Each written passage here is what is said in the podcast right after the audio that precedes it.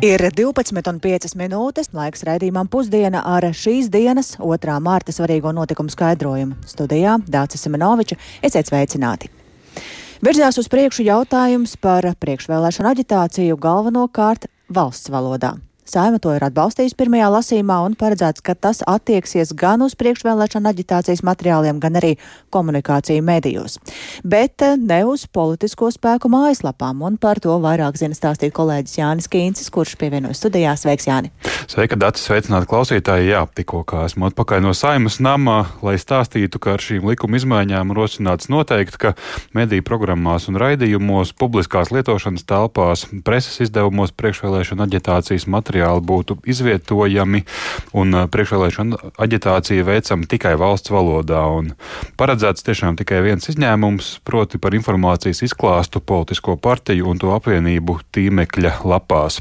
Savukārt priekšvēlēšana aģitācijas periodā pirms Eiropas parlamentu un pašvaldību vēlēšanām priekšvēlēšana aģitācijas materiāli varētu būt arī ar tulkojumu kādās Eiropas Savienības dalību valstu oficiālajās valodās, ievērojot nosacījumu, ka valsts valodas lietojums eh, nedrīkst būt mazāks vai šaurāks par par, par, par kādu šo priekšvēlēšanu aģitācijas saturu svešvalodā. Un viens no būtiskākajiem argumentiem šo grozījumu virzībai ir fakts, ka jau vairākus gadus saimā ievēlētajiem politiskiem spēkiem būtiski pieaudzis finansējums no valsts budžeta. Tāpēc eh, esot neētiski šos līdzekļus izmantot aģitācijai ne valsts valodā. Uz to galveno uzsvaru liek arī Saimas valsts pārvaldes un pašvaldības komisijas deputāts Edmunds Jurēvits no jaunās vienotības.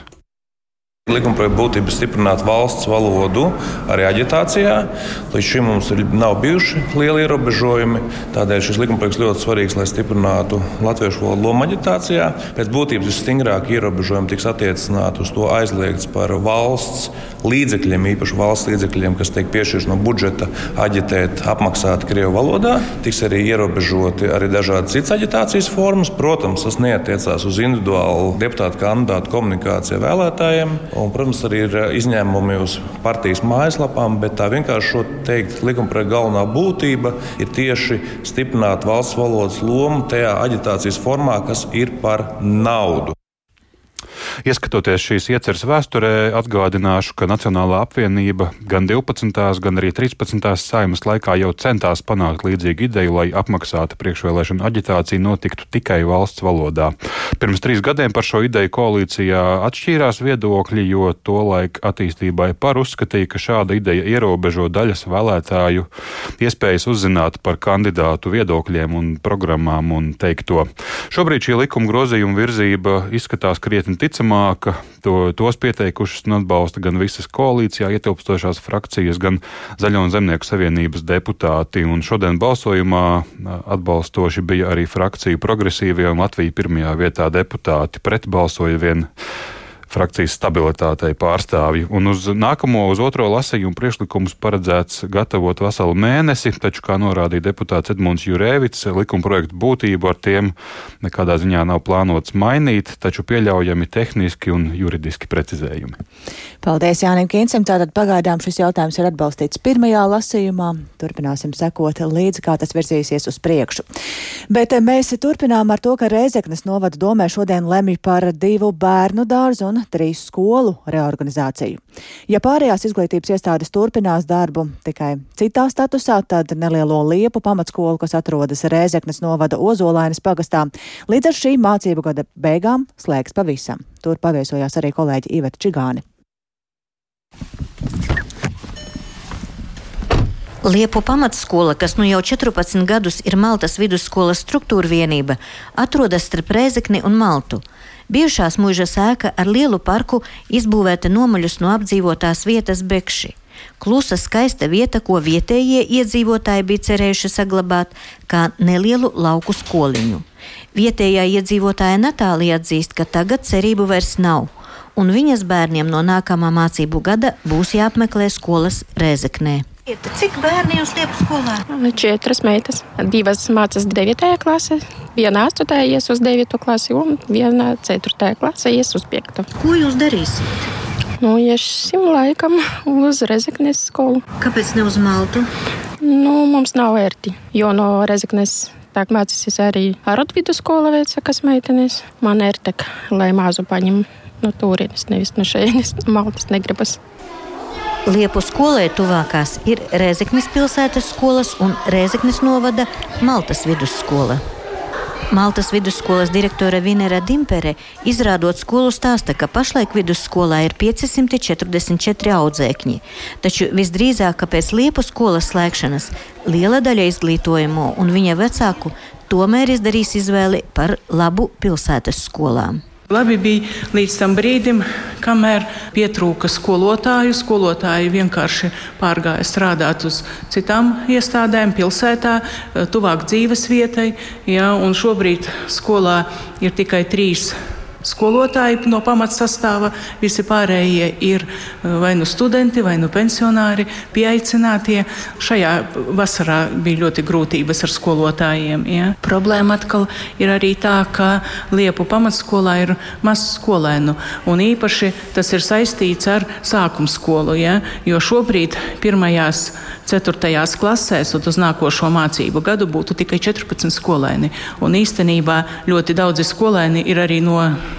speciālajām programmām, un tur ir arī problēma ar klašu apvienošanu, ja ir bērni ar speciālajām programmām. Līdz ar to tas vienkārši fiziski vairs nav iespējams. Reizeknes novadā kopš 2009. gada reorganizētas teju 40 skolas, taču, kā atzīst Reizeknes novada izglītības pārvaldes vadītājs Guntars Skudra, šis process balstoties uz noteiktiem izvērtēšanas noteikumiem turpinās arī pašlaik. Mēs apvienojam, kā jau to esam darījuši arī iepriekš. Pirmskolas izglītības iestādes, Audriņa pirmskolas izglītības iestādes, Rūžāna pirmskolas izglītības iestādes, Vaniņš un Bricāna pirmskolas izglītības iestāde. Gunters Skudra pie piemetina, ka bērnu dārzi tiek likvidēti kā autonomās izglītības iestādes, bet fiziskā to atrašanās vieta paliek nemainīga. Savukārt no skolām pilnībā slēgta tiks tikai Liepu pamatskola, kuru nākamajā gadā apmeklētu 52 izglītojamie, un tikai 12 no tiem ir Rezeknes novadā deklarētie skolēni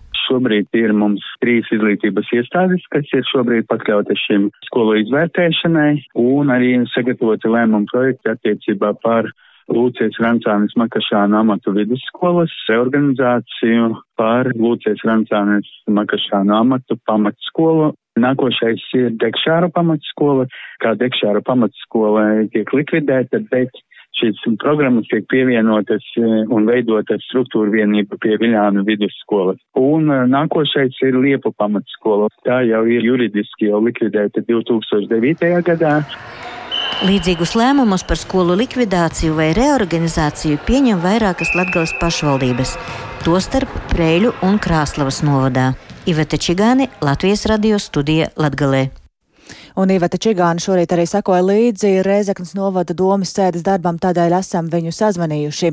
Sveika, Iveta, vai sēde jau ir beigusies un lēmums pieņemts? Labdien! Tieši tā, lēmums jau ir pieņemts un pieņemts tiešām ir pieņemti visi izskatāmie jautājumi, e, kas attiecas uz divu bērnu dārzu reorganizāciju, divu skolu reorganizāciju un mazākumtautību skolas, lietu skolas slēgšanu.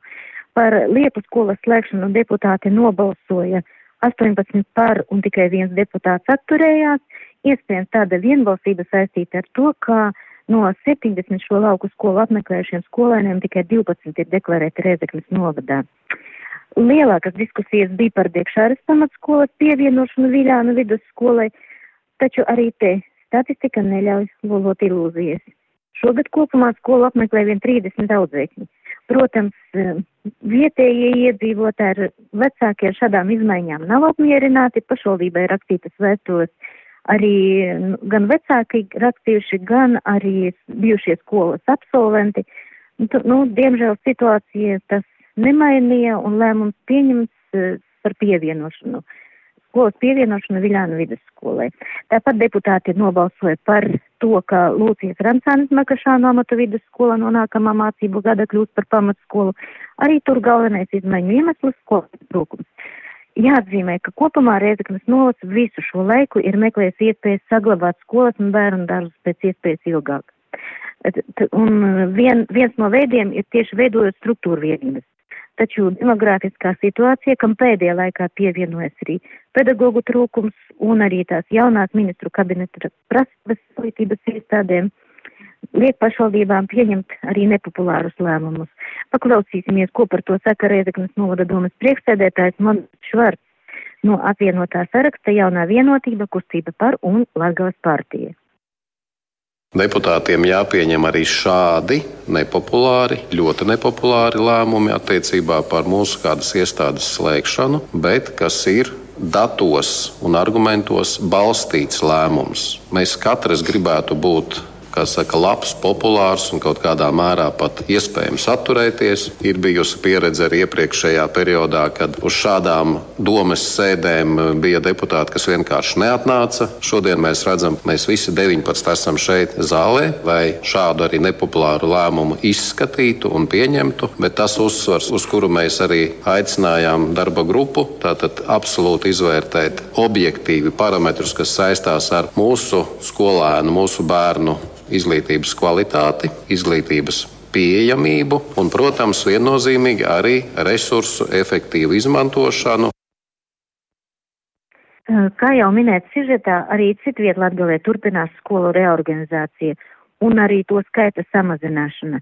Lai kā mazās, lai kā vietējās pašvaldības censtos nosargāt mazās skoliņas, ja nemainīsies pašreizē izglītības politika valstī, tā vien šķiet, ka slēg, to slēgšana ir tikai laika jautājums. Dasi? Paldies, Iveta, un uh, tu jau pieminēji demografisko situāciju un tās nozīmi šajā laikā, un uh, to min Latvijas radio arī izglītības un zinātnes ministra Anda Čakša no jaunās vienotības. Viņa uzsver, ka reorganizējot skolu sistēmu Latvijā ir jāņem vērā demografijas situācija. Šobrīd ir 55 skolas, kur ir apvienotās klases, un esot aplami domāt, ka tā var gūt kvalitatīvu izglītību un veicināt ekonomiku valstī. Paklausīsimies viņas sacītajā. Daži fakti jāņem vērā, ko mēs aizmirstam. Tas ir saistīts ar to, kas ir cēlonis un kas ir sekas. Pēdējos gados mums jāsaprot, ka demogrāfija un mūsu ekonomika ir būtiski mainījusies, un bērnu jauniešu skaits ir eh, samazinājies atšķirīgos reģionos par 30 un pat līdz 40 procentiem. Arī pieaugušo cilvēku skaits ir samazinājies tieši reģionos, un uh, tas nozīmē, ka tur ir maz cilvēku, un ekonomikas apjoms atsevišķos reģionos ir būtiski samazinājies. Un, skaidrs, ka skola un attiecības iestāde, kas sniedz pakalpojumu, ir tad, kad ir cilvēki, kam to sniegt. Un uh, ir, man liekas, ļoti naivi cerēt, ka skola ir kaut kas tāds, kas rada ekonomiku. Skola iedod cilvēkiem zināšanas, ja tā ir kvalitatīva un spēj nodrošināt tiešām labu izglītību. Bet mums šobrīd ir 55 skolas, kur notiek apvienotā klašu mācīšana. Tātad otrā un trešā klasa mācās kopā, vai ceturtā un piektā klasa mācās kopā. Līdz ar to mēs nevaram runāt mm. par to, ka tālāk šie cilvēki iegūs labu izglītību, atgriezīsies un veidos spēcīgu ekonomiku. Tas nozīmē, ka mums ir jāiedod tie instrumenti, lai iegūtu kvalitatīvu izglītību. Šobrīd tas darbs ir kopīgs pašvaldībām ar ministriju, arī kopā ar varam. Tā Anda Čakša, izglītības ministre, un izglītības jomā, protams, ir būtisks jautājums arī par skolotāju algām, un attiecībā uz to Čakša norāda, ka nozares arotbiedrības prasītais pedagoga atalgojuma un darba slodzes sabalansēšanas grafiks tiks apstiprināts valdības sēdē 14. martā. Tikmēr vidējā alga Latvijā kopumā šogad varētu augt straujāk nekā pērn, tā šorīt kolēģei Dērai Zīlē sacīja Svetbanka galvenā ekonomiste Agnese Bučaniece, un jāatgādina, ka pērn vidējā darba samaksa pirms nodokļu nomaksas bija par pilnas slodzes darbu bija 1373 eiro, un tas ir par 95 eiro vairāk nekā vēl gadu iepriekš. Paklausīsimies Bucinietes teiktajā, kurās jomās alga pērni ir augusi visbūtiskāk. Visstraujākais algu pieaugums pērn bija tādā nozarē kā ūdens apgāde, notekūdeņu atkritumu apsaimniekošana un sanācija. Tur algas auga par 13%. Tad ir vēl vairākas nozares, kur algas aug nu, tuvu 10%, pat līdz 12%, piemēram, izmitināšana un ēdināšana, transports un uzglabāšana lauksaimniecība, mežsaimniecība, te var izcelt arī rūpniecības nozares. Diezgan daudzās nozarēs, aptuveni pusē nozaru, var teikt, ka tā algu izaugsme ir bijusi ap 10% vai pat nedaudz vairāk. Mēs varētu kaut kad pārskatāmā nākotnē atgriezties situācijā, kad eh, algas kāpa, bet inflācija būtiski nemainījās. Jā, mēs noteikti atgriezīsimies pie tādas uh, situācijas jautājums, cik drīz. Sagaidāms, ka jau gada otrajā pusē varētu būt, uh, ka inflācija jau būs ar vienciparu skaitli mērāma, un tajā brīdī jau arī uz gada beigām būs netik strauji tas cenu kāpums kā algu pieaugums.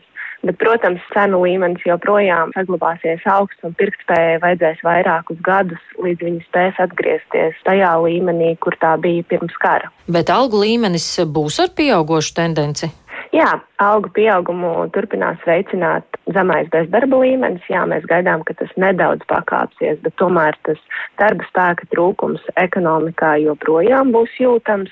Mēs redzējām, ka pērn gada otrajā pusē mazliet pieauga arī inflācijas nozīme darba devēja lēmumos par algu pārskatīšanu, jo tā kā tas darba tirgus ir diezgan ciešs, tad ir uh, gana daudz darbinieku, kas nāk pie darba devējiem un lūdz, lai viņiem paaugstina algas, un ja darba devējs nevēlas šo darbinieku zaudēt, un pastāv iespēja, ka tas varētu notikt, tad nereti tiek lēmts par algu paaugstināšanu. Mēs redzējām, ka uz ziemas laiku bija uzņēmumi, kas pirmkārt bija spiesti agrāk pārskatīt algas nekā iepriekš plānots, citi ieviesa īslaicīgas piemaksas uz apkurses sezonas laiku, un tas noteikti būs jūtams arī vēl šī gada sākumā. Un, protams, ka jāmin arī tas, ka tika paaugstināta minimālā alga no gada sākuma, un tas noteikti arī veicinās to algu pieaugumu tieši mazāko algu segmentā. Tā prognoze mums, ka vidējā alga šogad patiesībā pat augsts nedaudz straujāk par 8,5%.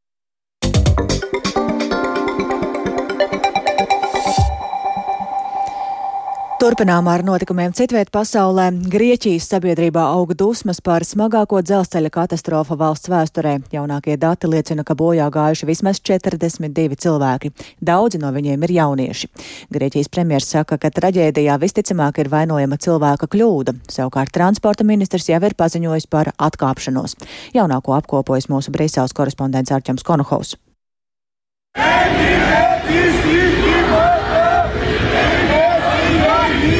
Saniknotie Grieķijas iedzīvotāji ir izgājuši Atēnu ielās ar aicinājumu saukt pie atbildības tos, kas ir vainīgi vilcienu sadursmē. Protesta akcija notika arī pie Grieķijas dzelzceļa kompānijas biroja.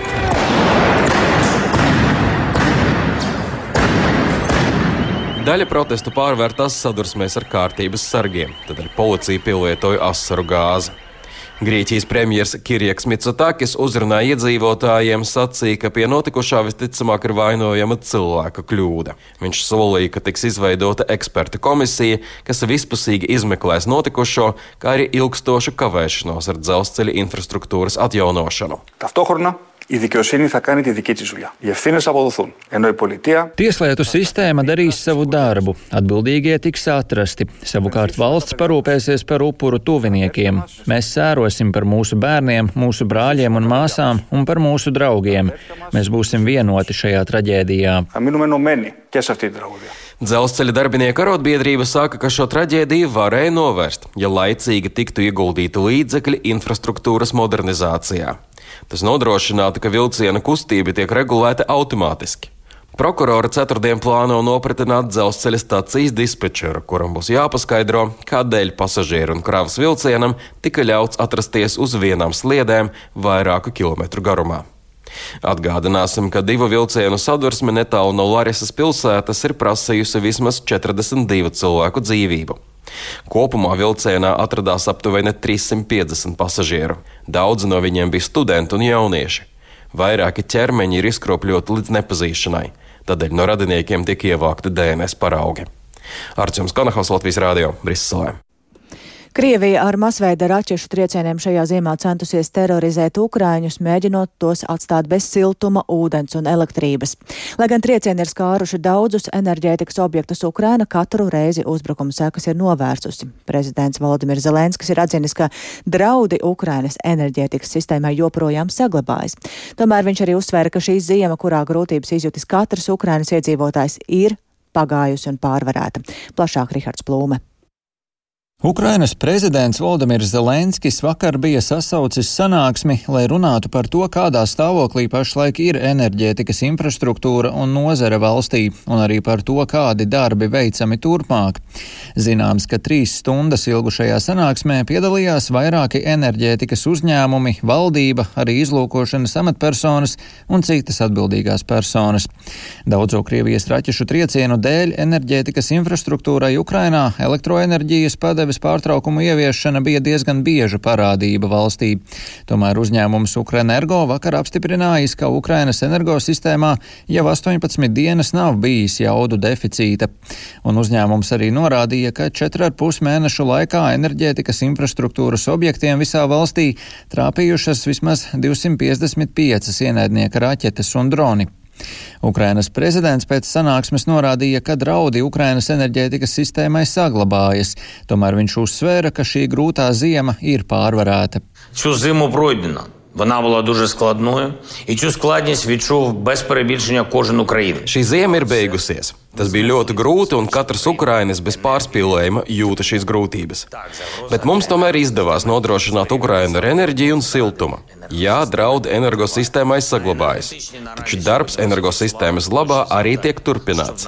Enerģētikas sanāksmē esam izvirzījuši pašreizējos uzdevumus, lai šī apkures sezona tiktu atbilstoši pabeigta.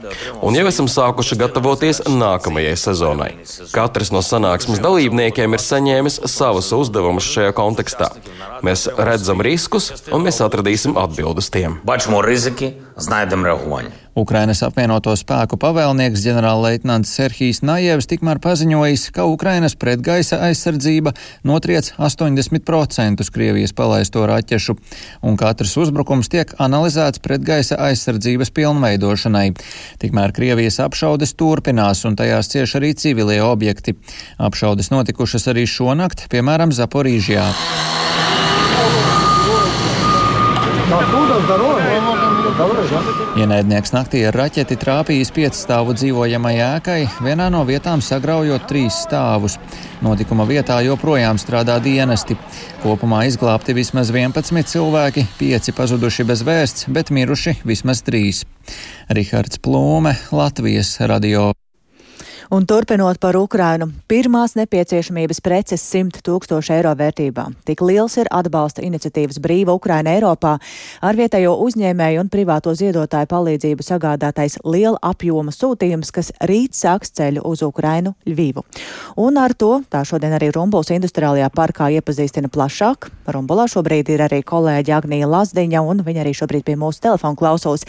Sveika, Agnija! Kas ir šajā sūtījumā? Jā, labdien! Šobrīd atrodos Rumbuls industriālajā parkā, no kura tad sūtīšu šo sūtījumu. Jāatzīst gan, ka krava izbrauka šodien, bet kā stāstīja pārstāvi, tad uh, visa krava apstāsies pie muitas, kur tad uzkavēsies un izbrauks gala rezultātā tikai nākamajā rītā. Bet, ja mēs runājam par kravu, tad, kā jau tu minēji, tās ir dažādas pirmās nepieciešamības preces, vairāk nekā 100 tūkstoši eiro vērtībā, un uz Ukrainu sūtīs divus lielu jaudas strāvas transformatorus, lielu skaitu mazjaudas strāvas ģeneratorus, dažādas medicīnas preces un termālās redzamības iekārtas, visādi uh, dažādas optiskos tēmekļus, būs arī divas vieglas automašīnas, dažādi tehniskie instrumenti. Būtībā visas preces, kas ir vajadzīgas Ukrainas armijai, kuras arī Ukrainas armija pat ir pieprasījusi, un jā, sūtījums ir patiesi iespaidīgs. Tagad mēs paklausīsimies, ko tad stāsta Kārlis Krastiņš, kas ir viens no atbalsta iniciatīvas koordinatoriem. Šis ziedojums neko nav tik atšķirīgs, vienkārši viņš ir pietiekami liels. Mēs esam pateicīgi un priecīgi, ka tas ir izdevies šogad. Pagājušo gadu mēs apmēram 30 kravas dažādas mazākas, bet uh, regulāri esam sūtījuši uz Ukrajinu. Tātad mēs to darām regulāri un mēs atšķiramies varbūt no citām labdarības organizācijām tieši ar to, ka mēs atbalstam un palīdzam Ukraiņas armijai. Jo mēs uzskatām, ka tieši Ukraiņas armija ir tā, kas var atbrīvot Ukraiņu no iebrucējiem, nodrošināt mieru Ukraiņā. Un, protams, Ukraiņas armijas uzvaru nozīmēs arī Latvijas uzvaru un mazākus apdraudējumu līmeņus Latvijai. Jā, tāds lūk ir Kārļa Krasņa um, viedoklis par šo visu pasākumu. Piebildīšu vien to, ka visi organizatori uzsver, ka šobrīd Ukrainai joprojām ir svarīgs gan emocionālais atbalsts, gan arī materiālais, tāpēc nedrīkst nokurt un ir jāturpina ziedot. Jā, paldies, Agneja, tev par šo vēsti. Tātad, um, nepieciešamās preces 100 tūkstoši eiro vērtībā nonāks Ukrainā. Un, uh, Mēs turpinām palīdzēt Ukrainai ar to. Arī izskan raidījums pusdiena. Producente Ilza Agīnta ierakstus montēja Renāša Steimanis. Par labskaņu rūpējās Rīta Karnača un ar jums sarunājās Dācis Semenovičs. Mēs tiekamies atkal rīt.